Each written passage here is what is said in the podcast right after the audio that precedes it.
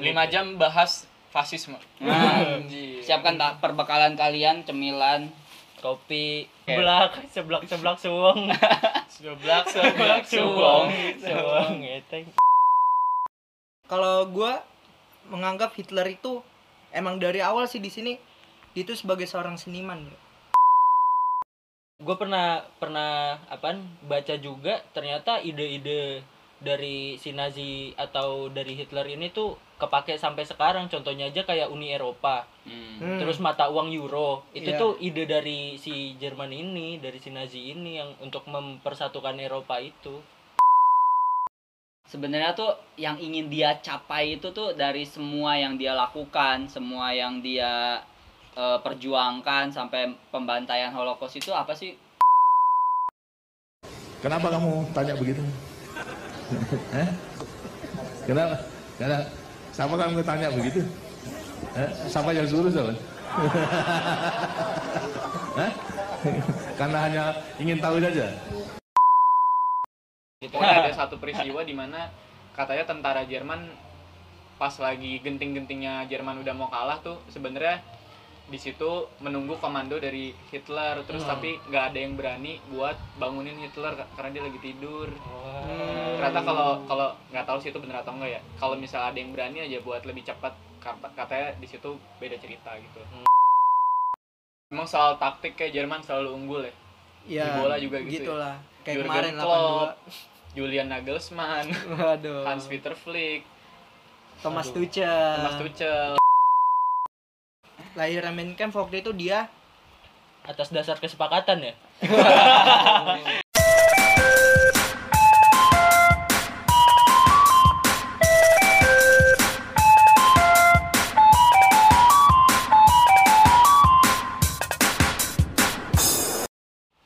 Selamat datang di Mapaba, mari pada baca. Wih. Ini adalah episode kita yang terbaru. Wih. Langsung pada matiin. Suara gua bass banget nggak? enggak kecapi anjing kecapi banget gua, lu kecapi Gua, gua, gua pengen ngasih performa baru aja. Hmm. Kasih gambaran yang lebih kece. Bener nggak? lu keselak salah itu suaranya begitu Ini buat penyamaran, Bray. Kan kemarin kita habis agak tegang gitu kan. Jadi gua harus menutup-nutupi bahwa ini bukan gua. hmm. namanya Rega Kawirato Oke, oke, oke, oke. Eh, episode kita yang terbaru ini kita mau bahas buku apa nih? Oh iya sebelum ada voting dong Oh dari iya, voting, dari bukan voting. dari voting Jadi proses demokrasi. Nah, Proses jadi demokrasi kemarin yang tidak adil dan merata Kita sudah voting. Penuh dengan spionase. Hmm. kita sudah voting di Instagram ya. Mm-mm. Ada lima buku ya kurang lebih Iya. kalau nggak salah. Yang pertama tuh Minecraft, Guru Aini Guru Aini, terus ada and Men Ah, sama tidak Raden apa-apa. Mandasia. Raden Mandasia sama Jika kita tidak kamu menjadi tidak apa-apa. menjadi apa-apa. Nah, dan yang menang itu ada Minecraft yaitu Mein Kampf. Minecraft. Tuh dikoreksi gua guys sama pengarangnya. Dan itu buku rekomendasi dari Kampleng. Jadi kita bahas buku sekaligus bahas toko ya, guys. Iya. Hmm. Tokonya toko apa?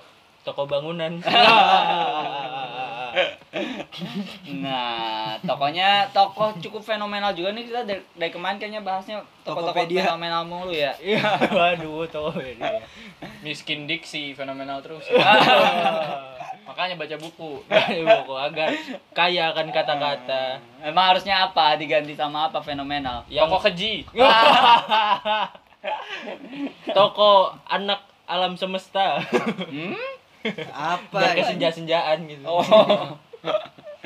Oke, nah yang bakal jadi pencerita di episode kita kali ini ada Raffi. Raffi atau Kampleng. Yang Spesialis spesialis fasis. Ah, spesialis fasis. Terus satu lagi ada Gondes, asisten fasis.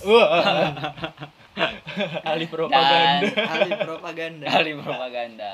Siapa? Dan- Ininya? Gobel siapa? Iya, gue Menteri penerangannya. Goebbels. Menteri Menteri Penerangan. penerangannya Bapak Harmo.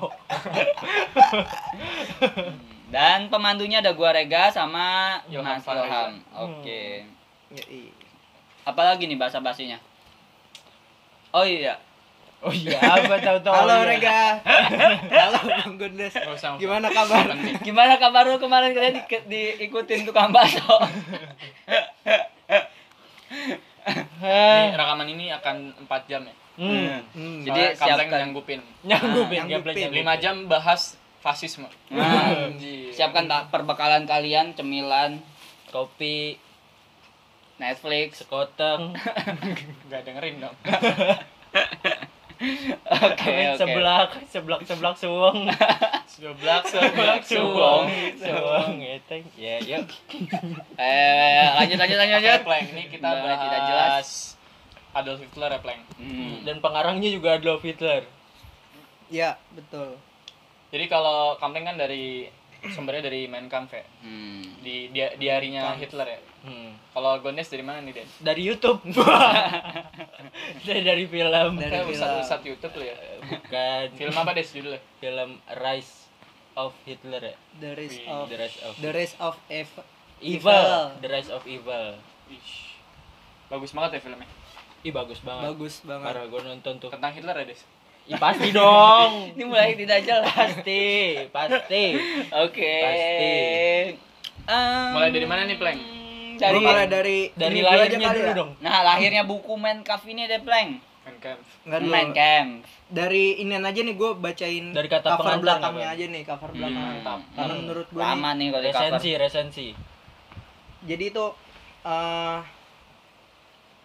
1937 sampai 1945 lebih dari 50 juta manusia di seluruh dunia tewas akibat Perang Dunia II yang diprovokatori tentara Jerman.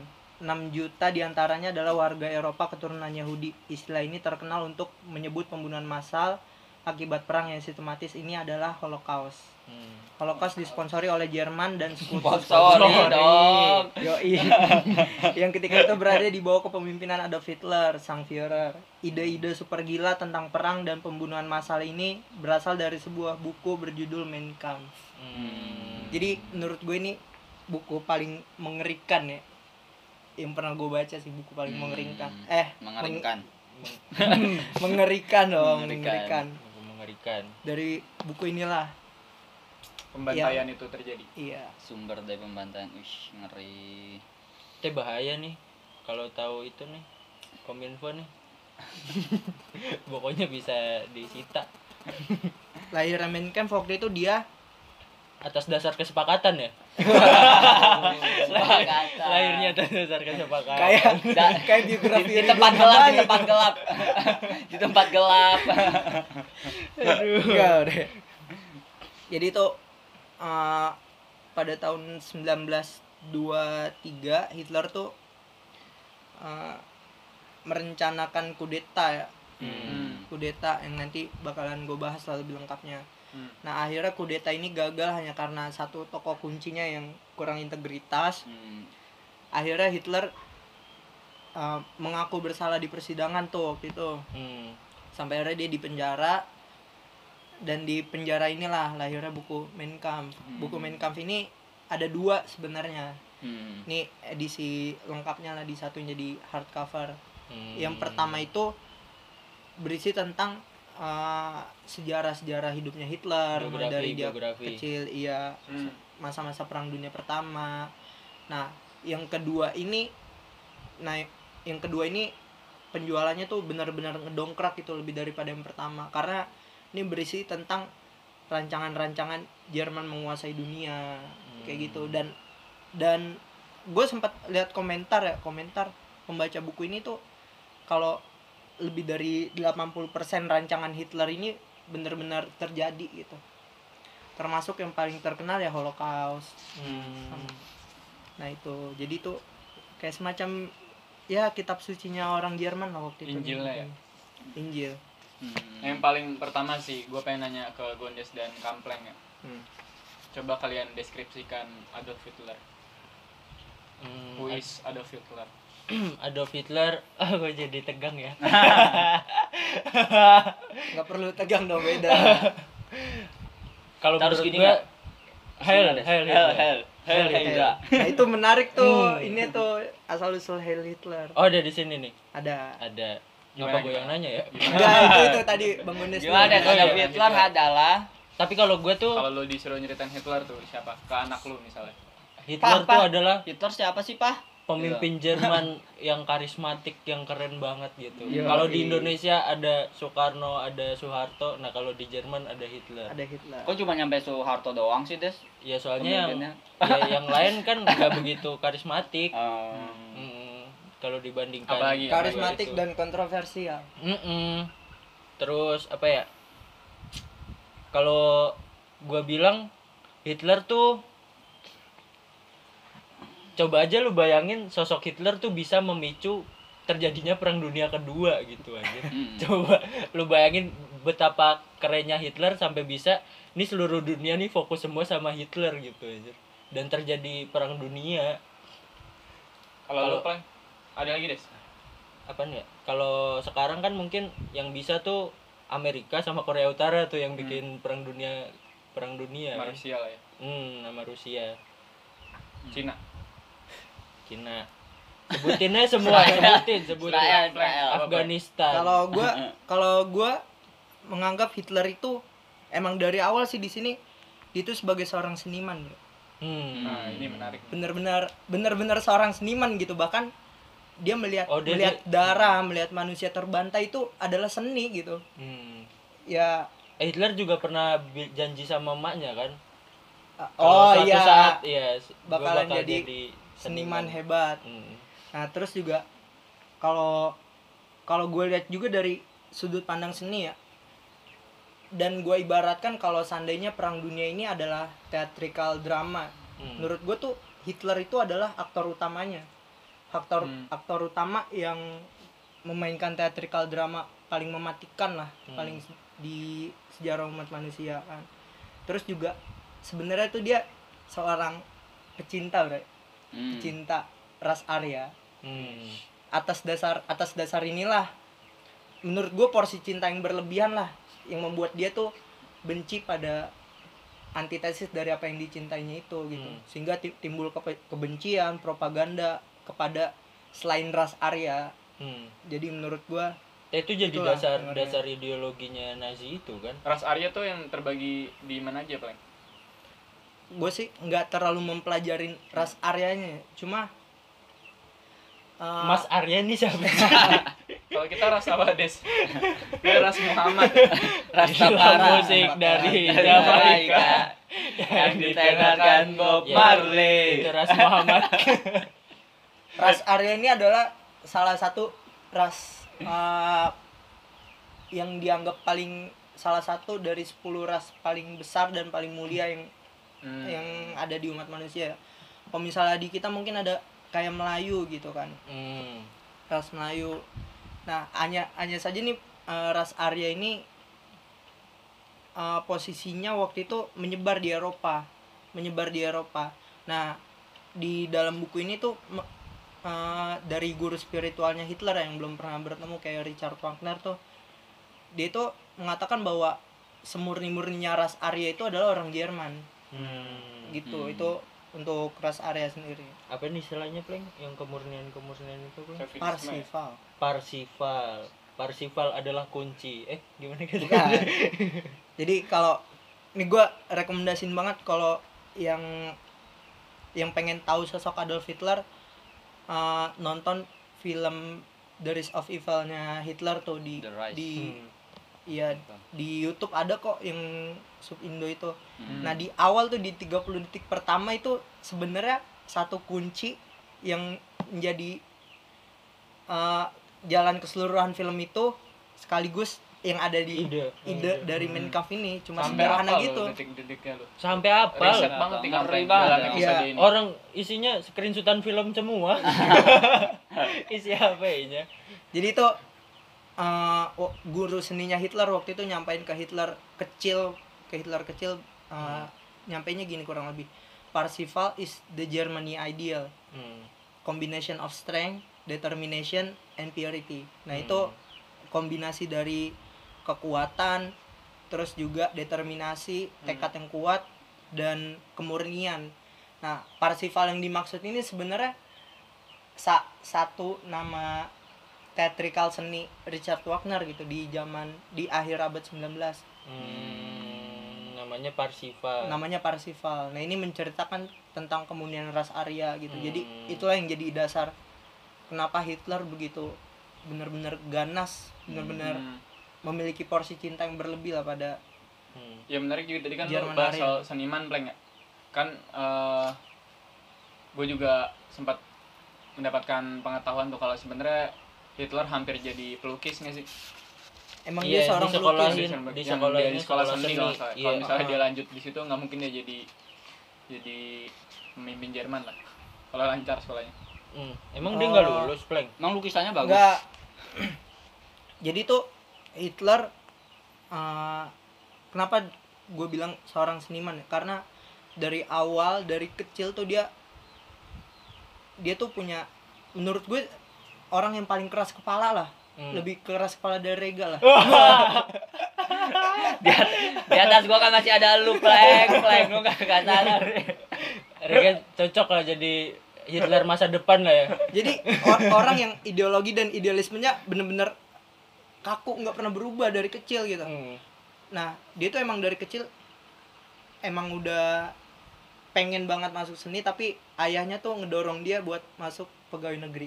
Hmm. PNS ilham PNS. ilham Nah, dia tuh dia tuh nggak suka, Hmm. nggak suka. Nah, sampai akhirnya pas lagi ayahnya alias omnya sendiri. Oh iya deh Apa? ada Kakeknya. kakek.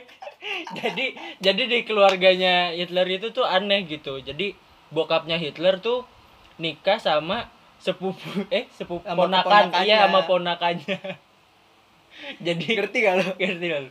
Ya. Bokap bokapnya Hitler nikah Ah. sama ponakannya. ponakannya Ponakan bokapnya. Ponakan Iya. bokap ya. Jadi kalau Hitler manggil bokapnya kakek, kalau manggil nyokapnya Sepupu.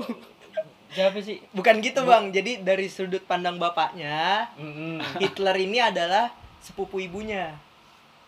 Tapi- Iya, heeh, tapi dari se- sudut separa, ke- setara. Iya, dari sudut pandang ibunya, Hitler ini adalah Mm. cucu suaminya.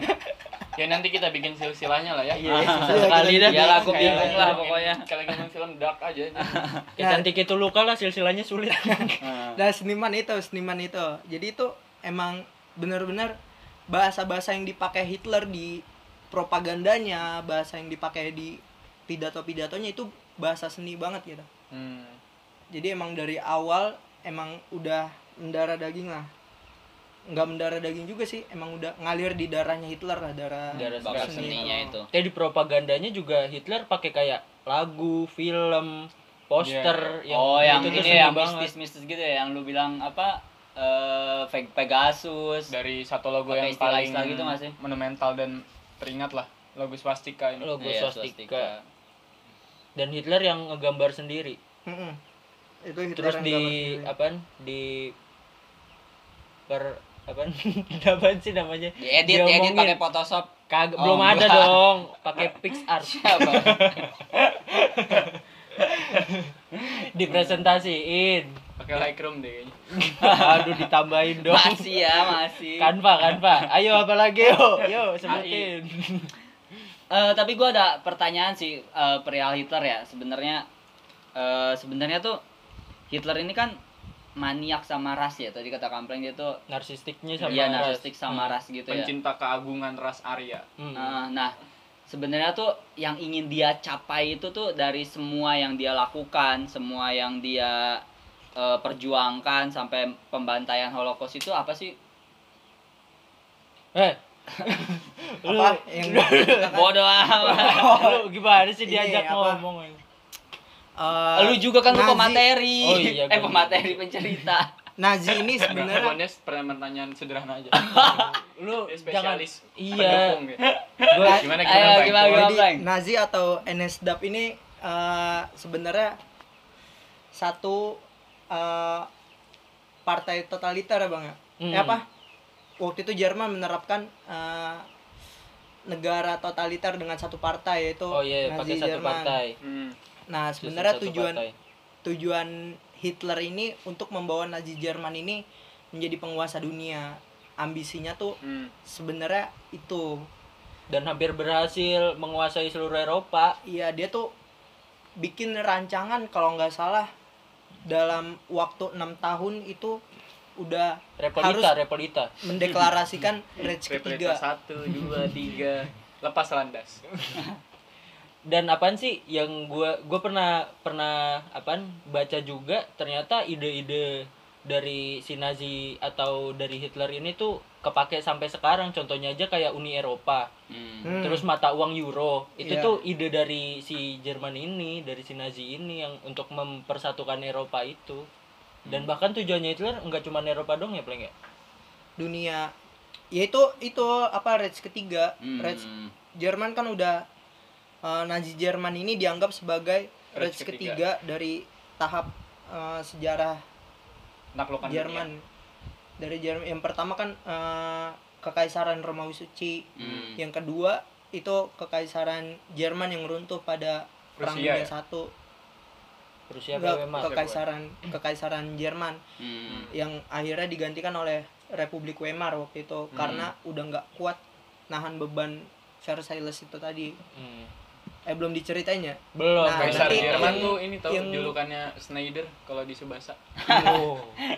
nah yang Nazi Nankatsu, ini nankatsu. Reich ketiga Ah. Reich ketiga jadi dia punya Hitler ini punya ambisi untuk membawa kemurnian ras Arya ini menjadi manusia paling mendominasi dunia Hmm. gitu dan Hitler udah ngerancang di buku ini uh, dalam jangka waktu enam tahun kita tuh harus udah mendeklarasikan Reich ketiga Hmm. di panggung dunia di Nah panggung- itu plank pertanyaan menurut gue yang pertanyaan yang paling penting dari pembahasan Hitler adalah apa atau sumber apa yang menyebabkan Hitler punya pemikiran dan punya ideologi untuk menaklukkan dunia dan uh, yang tadi Reich, soal Reich ketiga terus dia pokoknya mengagungkan ras Arya. Hmm, apa nih apa jawaban Hmm. utamanya? Kenapa Hitler bisa sampai membantai uh, dengan kejinya gitu membantai 6 juta orang Yahudi terus pengen menyulut perang dunia kedua Hmm.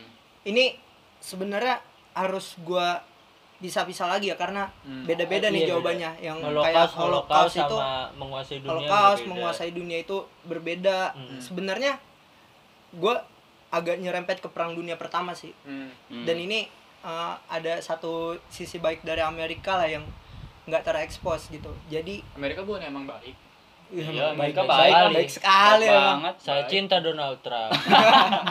baik dia bantu-bantu pemberontakan jadi di masa Presiden Wilhelm waktu itu yang uh, pre- jadi Presiden Amerika waktu itu dia mempromosikan 14 pasal perdamaian gitu Hmm. nah di sebenarnya Jerman ini sangat dekat dengan kemenangan Hmm. di Perang Dunia Pertama Hmm. hanya hanya saja dia uh, Jerman ini dihanati oleh orang-orang Yahudi Hmm. Yahudi Jerman gitu Hmm. yang Oh dasar nih Yahudi Dasar nih. Yahudi nih Oh Yahudi Yahudi. yang yang yang waktu itu mengambil tampuk kekuasaan lah di di Jerman termasuk uh, konspirasinya dengan Jenderal Hindenburg nanti bakalan diceritain lagi ya Hmm. tentang yang jadi per- yang jadi musuh politika Hitler padahal waktu itu Nyapres ikut nyapres. iya padahal waktu itu Hitler masih tamtama sementara Hindenburg ini jenderal tertingginya gitu jadi Hitler, dari situ Hitler dia jadi memulai itu tukang tukang antar surat. Hmm. dari mulai ma- mas-mas biasa akhirnya beberapa tahun kemudian jadi lawan politik terkuatnya si Hindenburg ini kan nah jadi eh, kalau Holocaust itu terkait dengan keben- kebencian Yahudi Hmm. sementara kalau seandainya ambisi untuk menguasai dunia ini didasarkan pada perjanjian Versailles yang Hmm. memberatkan rakyat Jerman nah dari situlah pidato Hitler tuh di depan rakyat Jerman tuh selalu eh, menjanjikan iya menj- eh, apa men- selalu menjanjikan untuk menghapus Versailles ini Hmm. Hmm. perjanjian yang, ngeberatin Jerman. perjanjian yang ngeberatin Jerman Amerika adalah satu-satunya negara sekutu yang nggak setuju diterapkannya perjanjian Versailles Versailles. ini Ih, Karena- baik banget karena ya, Amerika waktu itu sedang mempromosikan 14 pasal perdamaian Hmm. Hmm. Amerika udah ngeliat nih kalau seandainya harusnya harusnya uh, kalau Jerman menyerah tanpa syarat di Perang Dunia Pertama Hmm. harusnya kita bikin uh, satu hal yang untuk mendamaikan jangan jangan lagi bikin Memicu dendam, ya. peperangan Ah, gitu. bikin dendam. sampai akhirnya nggak disetujuin sama Inggris dan Prancis Ka- karena waktu itu emang emang Amerika kan nggak ada kerugian finansial yang besar waktu iya itu soalnya kan bukan di benua Eropa Iya. Jadi itu yang paling yang paling terdesak waktu itu Prancis karena infrastrukturnya benar-benar hancur Hmm. dari Perang Dunia Pertama. Nah, dia meminta ganti rugi ke Jerman Jerman. Nah, ini bahkan setelah diterimanya perjanjian Versailles ini Jer- Jerman itu mengalami tahun depresi, tahun-tahun depresi. Hmm. sampai akhirnya muncullah sosok Hitler nih sebagai uh, politisi muda nih yang yang berani iya, yang berani bergelora Dari- kayak dari- Fahri Hamzah. Dari PSI ini kayak dia nih. Nah dia tuh kampanye Hitler tuh selalu kayak gitu bahwa kita tuh nanti akan menguasai dunia dan Hmm. ya karena sebab itulah akhirnya Jerman bangkit lagi melalui Nazi dan jadi karena munculnya ini. sosok Hitler dia bisa muncul sebagai harapan barunya iya Jerman. Jerman ya? Juru selamat Jerman. hmm, juru selamat Jerman Jadi gua gue gitu sedikit ga tuh gua kasih tahu gue serius dah gue terus gue gue sedikit nggak setuju dengan dengan hasil-hasil yang kita terima sekarang gitu dengan Hmm. propaganda para pemenang perang yang kita terima pada hari ini gitu. Hmm, gue bener-bener bener-bener nggak setuju. Kayak misalnya eh, kita tuh membebankan membebankan eh, kayak di dalam di ka- belakang cover ini membebankan 50 juta manusia yang tewas. Hmm. terus juga kayak misalnya kerugian infrastruktur semuanya itu akibat akibat Jerman. Jerman, gitu. Hmm, padahal kan dari kedua belah pihak. Padahal pemicu pemicu pertama pemicu pertamanya kan dibunuhnya eh, pangeran Yang Austria Austria. Hongaria Hmm. Nah, itu yang menyulut Perang Dunia Pertama sehingga menghasilkan perjanjian Versailles. Nah, perjanjian Versailles inilah yang menyulut kembali amarah Jerman gitu. Sebenarnya dia menjadi benih untuk memulai perang dunia mem- berikutnya mem- iya dan bahkan kalau seandainya diperlakukan secara sama lagi, kalau seandainya Amerika nggak ngebackingin Jerman ya karena Hmm. itu mungkin akan lahir perjanjian yang lebih parah dari Versailles Versailles dan yang ngeberatin Jerman banget Iya, gitu. dan bakal memicu perang dunia ketiga mungkin ya. Hmm. Nah, itu Oh, kalau misalnya lagi terjadi lagi gitu ya. lagi. Terjadi lagi. Padahal padahal Amerika waktu itu udah menginisiasi berdirinya LBB di perang dunia pertama tuh. Hmm. Tapi karena perjanjian Versailles ini benar-benar memberatkan dan selalu jadi ya materi kampanyenya Hitler. Hmm. Jadi itu benar-benar Jerman tuh merasa Hmm. ada Wih. ada nih sosok yang yang benar-benar membawa kita keren pada banget kejayaan nih. lagi nih ya kan. Tuh ada gitu ga ketiga. dengerin lo Ini sebenarnya eh pelajaran Bu- sejarah nih apa gua- penting sejarah itu ga gue ada pertanyaan sih sebenarnya tapi sebenarnya tadi udah sempat eh, be- dijawab sama kampeng tapi cuman eh, irisan aja. Iya tanya aja coba ga tanya aja Ini juga ada ke Bang Gondes juga.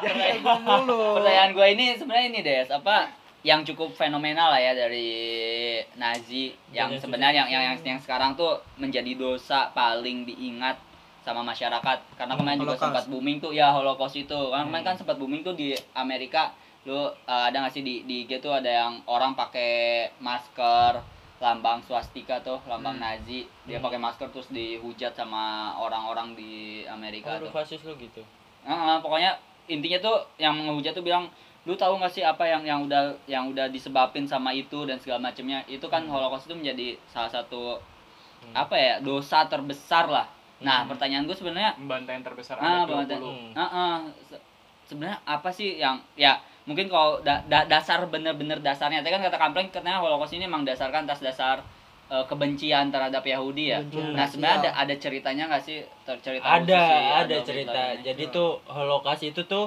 sama mirip lah sama kayak Halloween. Parah banget lo 5 juta. Sama-sama mengerikannya. Oh, iya, ada jangan Oh. dulu. Terus, terus. holocaust tuh sama Holocaust kayak dari- Halloween Sudut pandang filosofis nih ya, ya kan? dari Terus, terus, terus. sudut iya ya itu aja gimana gimana pleng ceritanya pleng Enggak, jadi kalau untuk kebencian rasial terhadap orang Yahudi sebenarnya ini terjadi di Reich kedua. Hmm. Di Reich kedua pada saat itu penuh dengan Ada- Jerman ada kanselir Jerman yang sangat dihormati kanselir agung lah Oh yang itu ya yang keluarga Yahudi ditampung sama kanselir itu. ya? iya nah pada saat itu tuh Tuh gue tahu ke- gue. kejayaan Tahu gue. sekitar di Malu aja. eh, tahun 1400-an kalau nggak Ah. salah itu masa-masa kejayaan Islam gitu Hmm. Yahudi kan ini terkenal banget sama orang yang benar-benar menjaga kepercayaannya dia Hah. dan dan benar-benar menjaga tanahnya kan Hmm. Hmm. Tanah nah suci. tapi pada pada saat uh, Islam waktu itu berkuasa nah orang Yahudi ini pada Mengungsi. ke Eropa Hmm. Hmm. nah termasuk yang paling banyak waktu itu di Polandia Hmm. nah waktu itu kanselir agung Jerman ini menampung satu keluarga Yahudi menampung satu keluarga Yahudi tapi ternyata dihianatin sama orang Yahudi ini gitu jadi di kudeta lah dari dalam sampai harta hartanya ini di kalau di iya kalau di bukunya tuh dijelaskan sampai di sampai tumpah ke jalan-jalan gitu har- harta dari kanselir agungnya ini Padahal terus udah juga- ditolongin ya. iya Dasar nggak tahu balas terus budi. juga kanselir agungnya ini dibantai kan Hmm. dibantai sama keluarga Yahudi itu jadi emang itu udah bener-bener Jadi dendam masa memicu lalu. iya memicu tumbuhnya benih-benih dendam lah Kebencian. sampai akhirnya di eh, pidatonya Amon God Amon God di tahun 1939 kalau nggak salah. Pas lagi invasi Jerman ke Polandia yang menandai perang dunia kedua tuh dia tuh bilang selama 600 tahun kita tuh dijelek-jelekan apa diinjak-injak harga diri. Jerman tuh diinjak-injak Sama sama, orang bangsa Yahudi, Hmm. sama bangsa Yahudi. Terus juga karena emang itu faktor pertama tuh dari yang kedua yang tadi yang udah gue ceritain tuh yang perang Yang perang dunia dunia Hmm. pertama. perang dunia iya. pertama tuh yang Jerman udah bener-bener dekat dengan kemenangan lah Hmm. Tapi tiba-tiba dihianatin dari dalam sendiri gitu kan sama yang perjanjian Versailles apa delegasinya orang Yahudi yang menyetujui perjanjian itu kan? enggak petingginya petingginya petingginya. waktu itu ngirim delegasi delegasinya ini benar-benar dibungkam lah Hmm. sama dunia waktu itu pas setelah uh, perang dunia pertama tuh seluruh negara sekutu dan negara-negara yang menang perang itu kumpul di Perancis ngapain arisan enggak Enggak, dia di tuh final Champions League. Jerman Prancis nih sekarang. iya Jerman, Perancis. nah dia tuh Paris Saint Germain Yoi. dia tuh uh, nen- menentuin poin-poin yang harus disepakati oleh Jerman nih untuk uh, syarat penyerahan penyerahan diri lah hmm. padahal waktu itu Jerman sangat dekat dengan kemenangan ya Hmm. Uh, yang kalau di film digambarkan 50 km dari kota Paris Ah, ah. dari pusat kota Prancis waktu itu akhirnya si jenderal ini yang berafiliasi untuk pencari keuntungan Hmm. dan lebih dekat ke kiri ke Reds Reds itu kan komunis ya komunis Hmm. Jerman dan komunis ini dianggap sebagai iniannya apa buah pemikirannya Karl Marx yang orang Yahudi Oh, udah komunis Yahudi lagi. Iya. Lengkap lu Karl Marx. nah jadi itu bener-bener seluruh rakyat Jerman tuh udah udah geram juga gitu dengan Hmm. dengan Salty ya? hama dengan Hmm. hama Yahudi ini katanya kayak gitu sampai akhirnya eh, bahwa ras Yahudi ini benar-benar karena sifatnya yang jelek yang terkenal jelek itu harus dimusnahkan harus Hmm. benar-benar dimusnahkan Hmm. dari kampanyenya Hitler Hitler udah dari awal emang udah propaganda kok dia emang nggak nggak pernah nyembunyiin kebenciannya terhadap Yahudi tapi justru Terang-terangan. iya bahkan di depan orang Yahudinya sendiri gitu Oh di iya, depan gue Ya- gue tahu tuh, Yahudi. gue tahu tuh. iya Gimana gimana apa yang Jadi tahu tuh coba? waktu dinner gitu kan, Ah. gala dinner gitu. Nah di situ tuh ada orang Yahudi. Terus kan Petinggi-petinggi. si Hitler, iya si Hitlernya tuh presentasi tuh tentang logo Oh, swastika presentasi. dan Iya. antisemit itu. Nah. Terus kan orang Yahudi tuh bla bla bla bla bla gitu. Terus apa-apaan lu? Gue orang Yahudi gitu. Kata Ah. tamunya gitu. Terus kata temennya Enggak, maksudnya tuh orang Yahudi yang kayak gini kan ya, ya kayak gitu. Kayak ngebelain Kata- Hitler, cuma Hitlernya diem doang. Kayak enggak gitu maksud gua, Oh, iya. Diselamatin sama temennya. jadi gua ini salah satu uh, part yang paling menentukan Hitler sih sebenarnya yang yang ada di Personality itu, film iya. ada juga di buku ini sebenarnya jadi itu ada satu tokoh kunci yang berjasa atas uh, Berhasil. pamor Hmm. pamor naiknya pamor Hitler itu uh, Hefstengel half stengel atau gimana lah? Yang dia malah half di, di akhir hayatnya malah diuber-uber sama Hitler. Sama Hitler iya. Karena Hitler suka sama istrinya, istrinya. Oh, jadi Half soal percintaan ya. iya. Iya, jadi tuh Hafstengel ini dia pertama kali ketemu Hitler tuh waktu Hitler masih jadi orator di Partai depan buruh. Partai Serikat Buruh aja Partai lah, buruh. di depan-depan itu maksudnya Tapi kalau misalnya secara kemampuan dan kompetensi Hitler sebagai pemimpin, dia tuh keunggulan terbesarnya apa di apa sih Pleng? Sebagai orator atau orator dia ulung. sebagai pemikir, sama pemikir juga sebagai sih perancang strategi? Karena kan Semuanya. kalau misalnya secara militer badan dia kecil ya, Iya. pendek kan. Hmm, Bahkan dia kalau nggak salah masuk militer tuh ditaruh di pa- pangkat-pangkat yang nggak terlalu tinggi kan karena dia secara fisik nggak kuat. Hmm. Apa yang menjadi keunggulan terbesarnya Hitler? Yang paling pertama dia tuh mas-mas biasa banget, sumpah. Hmm. Orang yang yang bahkan ketika ke Jerman aja itu tidur di jalanan, jadi gembel jadi gembel di jalanan, bahkan dikira orang Yahudi sama orang Jerman. Gue benci banget ya pasti.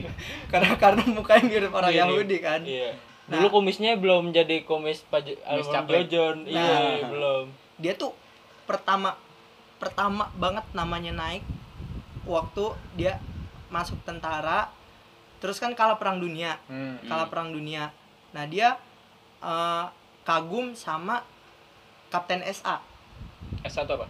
siapanya Kapten Amerika apa Kapten Subasa enggak SA itu satu organisasi militer terbesar di Jerman waktu Hmm. itu sayap kanan fraksi fraksi partai Iya fraksi partai partai, yang militer. terbesar lah dan dia bersenjata SA itu. Nah dia kagum sama Ernest Rom ini. Nah akhirnya dia kerja di SA tuh jadi mata-mata. jadi cepu Iya mata-matain buruh mata-matain partai buruh. Tapi emang dia tuh nggak bisa jadi mata-mata kan ya. Jadi tuh ada ada orang yang benar-benar pidato di pidato "Hmm, apaan sih bullshit gitu iya.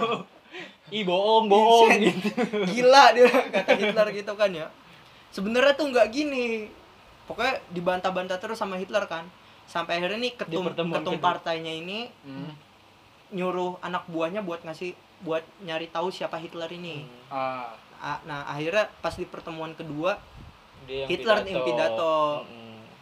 langsung Jadi pidato antisemit enggak bang per, pertama pidato Oh, pertamanya dia tuh digubris nggak digubris nggak digubris jadi dia pidato sebenarnya tuh eh, ngomongin Jerman kepunahan Jerman itu karena bukan karena ekonomi kita yang runtuh, bukan karena kita kalah perang dunia kedua eh perang dunia Pertama. pertama, Hmm. tapi kepunahan Jerman itu disebabkan oleh ketidakpedulian. Nah, pada saat kayak itu gini tuh nih nih kayak gini nih iya, Nah, kayak pada gitu sta- pada saat itu tuh di di kafe-kafe itu Kan nggak ada visual ya? oh iya nggak ada visualnya Nggak bagus maaf, ya. maaf. benar benar-benar tuh orang pada ngobrol sendiri, pada Hmm. pada pada nggak peduli Pada sama pidatonya. Hitler. Hmm. Akhirnya Hitler teriak di situ kan. Apakah kalian ada yang mendengarkan gitu kan? Are you listening? Terus Yes. Pakai bahasa Jerman, pleng, bukan Wah. bahasa Inggris. iya iya, tapi di filmnya bahasa Jerman. Hmm. Eh ba- bahasa Inggris. Nah, akhirnya itulah masalah utama Jerman kan, lu semua nggak ped- pada dengerin nggak Iya. pada peduli sama Jerman ketidakpedulian gitu masalah kalian. Sampai akhirnya tuh di situlah awal mula eh, karisma dia tuh benar-benar ditunggu-tunggu sama rakyat Jerman. Jadi pertama Sampai dia adalah partai buruh jadi gede aja iya, jadi dia tuh adalah eh, pertama sang orator itu. Jadi dari partai buruh yang tadinya nggak terpandang benar-benar dari 50 fraksi partai partai, politik itu Partai partai, partai yang kecil lah, partai yang Hmm. kecil. Sampai akhirnya jadi partai gede partai yang penguasa. I, iya hampir, bahkan ha. bahkan jadi nomor 2 di Reichstag pada tahun Di 9 DPR, Reichstag tuh 1931 dan 1933 tuh jadi partai nomor satu di Reichstag. Hmm. tapi Nah, itu, tuh ada ja- branding jaraknya tuh ada nyampe personal- 10 tahun ada anjir. personal branding juga pleng Gimana? yang sebelum dia apaan jadi pemimpin tertinggi di oh, partai buruh Hefsteng- Hefstengel itu iya kan. si temennya yang disukain bininya itu Hmm. yang bininya disukain Hitler Hmm. suruh branding kan dia ngelihat apaan posternya Lenin ya Stalin. oh iya posternya Stalin gitu nah lu harus punya ciri khas gitu Hmm, kata personal temennya brandingnya itu. nih. iya personal Personal branding terus dia ngaca gitu gini kayak gini nih, nih kayak gini nih nah kayak gitu tuh eh, gak pada denger gak pada tahu kan lu langsung Oh, jadi bukan deh gitu bang, ini bang. Tiga Kayak jari, gini. tiga jari, kayak tiga gini jari. nah habis itu jadi deh komis Chaplin Hmm. Iya, Gitu. jadi, Jadi tuh personal kumis itu branding emang. Jadi khas yang branding. dia buat. Iya. ciri khas yang dia buat. Emang di branding. Nah ini tadi gue sempat kepotong ya pengen nyeritain Hafstengel ini sebenarnya ini salah satu tokoh penting tokoh kunci banyak banget toko kuncinya. naiknya Hitler ini sebenarnya bang jadi Hmm. tuh Hafstengel ini dia ngelihat Hitler hanya pidato di depan Partai Serikat Buruh nah Iya. dia dia tuh uh, pengen nama Hitler itu jadi besar gitu Iya. kan akhirnya diundang ke orang-orang penting tuh orang-orang yang Yang isinya dinner itu ya. iya yang Reichstag isinya orang-orang DPR orang-orang Jerman. petinggi Petinggi-petinggi di situlah Jerman. Hitler pertama kali ketemu dengan Hermann Göring Hermann Hmm. Göring ini yang nanti jadi menterinya dia lah Hmm. bukan menteri penerangan tapi Bukan.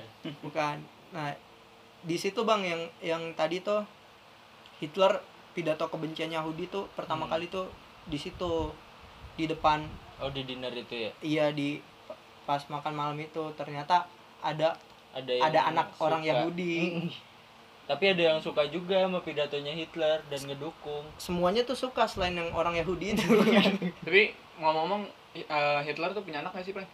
enggak enggak punya Nggak anak punya ya? Jadi nggak ada keturunan Hitler ya? enggak ada Ya, dia nikah Hitler- saat hamin satu sebelum meninggal nih Oh. Oh. Eh, tapi Hitler punya itu juga dah. Yang gue lihat tuh kayak BDSM gitu anjir. Oh, sama pedofil juga dia suka sama ponakannya anjir. Telepon yang ponakannya usia berapa? Ya 17 lah. Yang nggak pedofil lah itu udah usia 17 abad. eh, masuk pedofil kali itu, Fosil masuk itu, kategori. Berarti dia nikah hamin satu yang dia gantung diri tuh. bukan gantung diri Ah dia bunuh diri kan ya? Bu- bunuh diri Hmm, bunuh bunuh diri diri. Nembak kepala sendiri ya? Tapi katanya di Tapi- Surabaya Hitler. Katanya di Garut meninggal. Anaknya sih. Cicahem Kuningan. Aneh-aneh aja. Atlantis katanya di Indonesia. dia tuh nik Apa sih ya nikah sama cewek namanya Eva Braun Eva Braun ini uh, Oh, dia yang sekretarisnya itu ya? bukan Eva bukan Braun ini yang orang Garut itu. bukan dia bukan sekretaris dia itu Vina, Vina Garut. Dia Bukan tuh Eva Garut. kayak semacam jurnalis gitulah Ah, jurnalis yang karismatik juga Oh Mary Sama- Jane. bukan. berarti belum Hitler sempat Hitler belum, versi cewek lah belum Oh sempat iya. proses pembuatan anak. nah gimana Ah. nih bang di film kan ada tuh belum ada. Oh emang Coba- lu, coba lu film nyari nyari bagian itu ya? Coba dong ceritain dong filmnya nih kita lupa ada. Apa yang bisa lu ceritain dari Yang film apaan? itu? Coba Kalau yang di filmnya tuh- BDSM-nya. Jangan BDSM-nya. Kalau di film itu tuh cuma nyeritain apaan dari dari kecilnya dia jadi tentara tuh sampai Hitler per- ha- pernah hampir mati waktu jadi tentara. Oh. dia diselamatin sama anjing. Diselamatin jadi kan jadi kayak kantin gitu kan, tempat makan gitu. barak Hitler barak. iya barak gitu. Hitler bawa anjing. Hmm. Bawa anjing. Anjingnya disuruh duduk sama Hitler. Gimana tuh? Jing jing duduk jing. Duduk. duduk dong. Ayo duduk. Sekarang itu dong pakai bahasa Jerman dong. Anjir, makin susah. nggak mau Sit. Shit. Fuck. Terus terus Terus anjingnya kagak mau duduk, diketawain sama sama, sama temen-temennya. Wah, padahal lu nggak punya wibawa, anjingnya kagak mau nurut gitu. terus Dipukul anjingnya, anjingnya lari, dikejar. Set, abis dikejar, set baraknya meledak. jadi dia diselamatin sama Andi Diselamatin sama anjing. emang Tuhan belum menakdirkan dia mati di situ. Ah. Iya. Dia harus jadi pembantai na- Yahudi dulu ya. iya Cuman kutipan yang tentang ucapan Nazi tau nggak sih? sering eh ucapan Hitler yang sering banget dijadiin apa pembenaran kita buat ngeli apa melihat keburukan Yahudi yang sering banget dikutip kayak Oh kayak ya. ya kenapa dulu dia ngebantai Di- eh, Yahudi kamu dan- akan tahu alasannya gitu gitu lah Hmm. Nah itu nggak tahu juga gua. Apa Apakah jadi- Hitler Muslim dia nah, kan jadi pembenaran karena kita muslim. Hmm. Hmm. Tapi ke- kenyataannya kan nggak nggak jadi pembenaran di masyarakat Amerika di sayang beberapa banget orang Indonesia juga ada yang menjadi salah satu korban sayang banget sebenarnya tuh itu. uh, kepemimpinan kepemimpinan Hitler tuh menurut gue salah satu yang paling fenomenal ya di mana negara menurut gue di bawah titik nol Iya. Hmm. Malah Bener-bener. di bawah titik ah di bawah titik iya kayak lagi judul buku tuh. bener-bener kacau perempuan jadi uh, Negara karena perjanjian. Versailles itu Iya. jadi tahun-tahun depresi Jerman karena muncul sosok Hitler ini bangkit dan sempat jadi negara nomor satu di dunia dalam Hmm. waktu dua tahun Hmm, dua dan tahun tuh. Dalam waktu dua tahun. Eropa ya Iya. dan Hitler nih punya satu rancangan khusus sebenarnya di buku ini ya punya satu rancangan khusus Apa namanya Kita jangan bilang jangan bilang-bilang Perancis. iya udah lewat Ini dong khusus. Oh iya, namanya udah lewat. Blitzkrieg oh, Blitzkrieg Blitzkrieg Blitz Hmm. taktik kayak Borussia Dortmund itu Oh iya gitu. nah Blitzkrieg serangan tiba-tiba ya nggak salah ya? Iya, Blitzkrieg ini uh, uh, apa ya, serangan dengan kecepatan tingkat tinggi lah. Hmm. Jadi ka- kalau kalau kita lihat visualisasinya mungkin kayak Jepang uh, nyerang Pearl Harbor lah. Harbor. Hmm. Bedanya Blitzkrieg ini bukan cuma lewat udara, tapi Oh lewat Dalam- pakai panzer ya? dalam Hmm. seketika tuh kayak di rancangan sini tuh dalam dalam 10 menit tuh garis pertahanan lawan tuh udah hancur kayak gitu Iya, Gila, iya, keren dalam waktu 10 menit loh dan uh, ini diterapkan berkali-kali sampai akhirnya tuh Rusia waktu itu ham- hampir aja kehilangan Stalingrad Hmm. Stalingrad dan Leningrad ini pertempuran paling mematikan karena Banyak korban korban Jerman. jiwanya 4.500 Wow. Hmm. dalam Empat juta lima ratus, doang. empat juta lima ratus apa blank? Ada nggak blank? Oh, jangan Jangan dong, Oh, itu. empat juta Oh, iya. lima ratus 4 juta 500 itu bukan sekedar angka loh itu Oh iya bukan sekedar angka. Iya itu itu titik balik Uni Soviet lah. Sebenarnya Uni Soviet ini menurut gue tentara bodoh lah. Serius tentara tentara bodoh. Dia tuh nggak punya organisasi pertahanan maupun penyerangan yang baik. Hmm. Kalau strategi menang Jerman lah ya. Strategi jauh menang Jerman. Hmm. Uni Soviet ini Cuma dimenangkan oleh oleh Jumlah. iya oleh jumlah sumber daya manusia dan sumber daya alamnya yang Iya, yang iya, iya, luas, luas. banget. Jadi itu benar-benar Jerman waktu itu nyerang Rusia cuma cuma ngerahin satu juta pasukan coy. Hmm. sementara Rusia ini bener-bener totalitas gitu Ih, ngadepin gila. Jerman. Emang soal taktik kayak Jerman selalu unggul ya? Ya Di bola juga gitu gitulah. Kayak Jurgen kemarin Klopp, Julian Nagelsmann 82 waduh. Hans Peter Flick.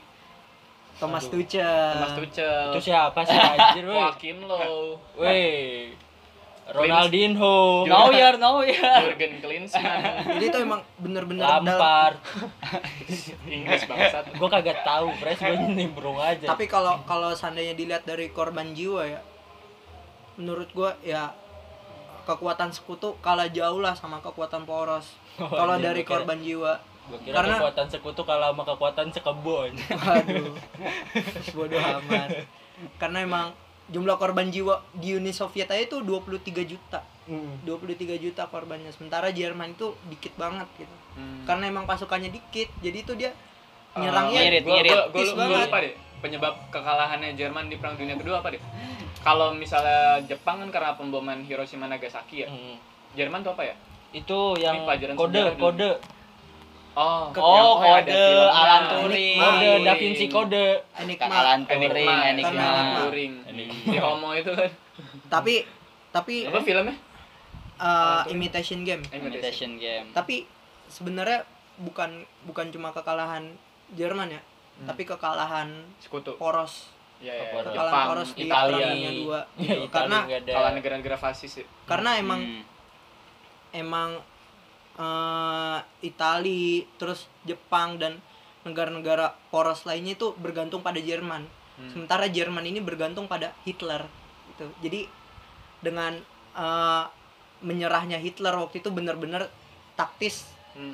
akan eh, seketika gitu gitu aja gitu kalah kalah poros karena penyerangan Pearl Harbor di Amerika itu juga diinisiasi oleh Hitler Hmm. kayak misalnya kayak misalnya invasi Jerman ke Tiongkok itu juga sebenarnya diinvasi oleh Hitler karena Tiongkok dekat dengan Uni Soviet Hmm. jadi itu emang bener-bener satu aktor utama lah dia Ih, Hitler itu. dulu tuh gue pernah baca fakta di Line Today Mas. Apa bukan tuh? bukan ada kayak akun-akun sejarah gitu Lima katanya fakta ada menarik gitu. pokoknya ada satu peristiwa di mana katanya tentara Jerman pas lagi genting-gentingnya Jerman udah mau kalah tuh sebenarnya di situ menunggu komando dari Hitler terus Hmm. tapi nggak ada yang berani buat bangunin Hitler ka- karena dia lagi tidur Wah. ternyata kalau kalau nggak tahu sih itu bener atau enggak ya kalau misalnya ada yang berani aja buat lebih cepat kata katanya di situ beda cerita gitu Hmm. nggak tahu itu bener apa enggak ya coba dicek kekalahan tapi banget nih kayak senior tidurnya nggak berani bangunin. kekalahan kekalahan blok poros ini sebabnya karena satu pertempuran Stalin Stalingrad Stalingrad. dan Leningrad ini karena dulu sebelum sebelum akhirnya pecah nih permusuhan Jerman Uni Soviet Jerman sama Uni Soviet ini sebenarnya bersekutu Hmm. dia bersekutu punya satu perjanjian bahkan ketika invasi Polandia tuh mereka bagi wilayah kan Hmm, kayak iya, misalnya iya. uh, Uni Soviet di sebelah timur Jerman di sebelah Barat. barat Polandia Hmm. yang dua-duanya sama-sama ngebantai Polandia. Polandia. nah jadi tuh karena waktu itu uh, Jerman kan punya satu perjanjian sama Uni Soviet. Uh, kalau Jerman nggak nyerang Uni Soviet, Uni Soviet itu bakalan ngirim sumber daya alam berupa minyak tuh ke Jerman Hmm. untuk jadi ini perang. Tapi akhirnya waktu itu dihentikan tuh sama si Stalin, dihentikan sama Stalin sampai akhirnya uh, Jerman ini mengadakan operasi Barbarossa yang untuk nyerang uh, untuk nyerang Soviet. Dan itu pun udah dari dari pinggir sampai hampir ke kalau nggak salah tuh udah deket udah 1000 km dari kota Moskow lah pada saat itu. Sampai akhirnya diham- dihambat sama Uni Soviet itu di di Lenin Leningrad dan Stalingrad ini benar-benar. Karena itu kan eh, daerah yang kayak tambang minyak itulah Hmm. benar-benar dikuasain sama eh, Stalin dan pengen dijaga mati-matian. Tapi itu juga titah Hitler supaya gimana pun caranya buat ngerebut kota Stalingrad ini. Sampai akhirnya Jerman ini eh, udah mulai kelelahan lah di tahun 1942 tuh. Karena udah dua tahun kan nguasain Eropa. Hmm. karena katanya tuh kalau menguasai Rusia itu sama aja lu harus naklukin satu benua. Hmm, karena emang- luas banget. karena luas dan sumber daya manusianya yang banyak banget kan nah di situlah akhirnya Rusia ini nyerang balik Jerman pas lagi musim dingin Hmm. karena karena winter is coming kan Hmm. jadi tuh pas musim dingin itu Rusia benar-benar uh, matiin matiin banget strategi strateginya Jerman kayak misalnya uh, pesawat-pesawat yang ngirim uh, supply, supply. supply makanan, logistik. supply logistik kayak gitu itu benar-benar di dihentiin lah sama Di sama Di blokade sama sama Uni Soviet. Soviet karena terus juga karena cuaca buruk juga itu jadi memperburuk kekalahan Jerman sampai akhirnya Soviet ini balik invasi ke Eropa buat nyerang-nyerang pos-pos pertahanan Jerman sampai akhirnya tiga tahun kemudian dia berhasil nembus kota Berlin gitu Hmm, Jadi Berlin dibagi Nih, dua. pertanyaan terakhir nih dari gua nih. Ini kan kita juga udah mau di penghujung. Em, tatanan ideal yang diidamkan sama Hitler tuh yang kayak gimana sih?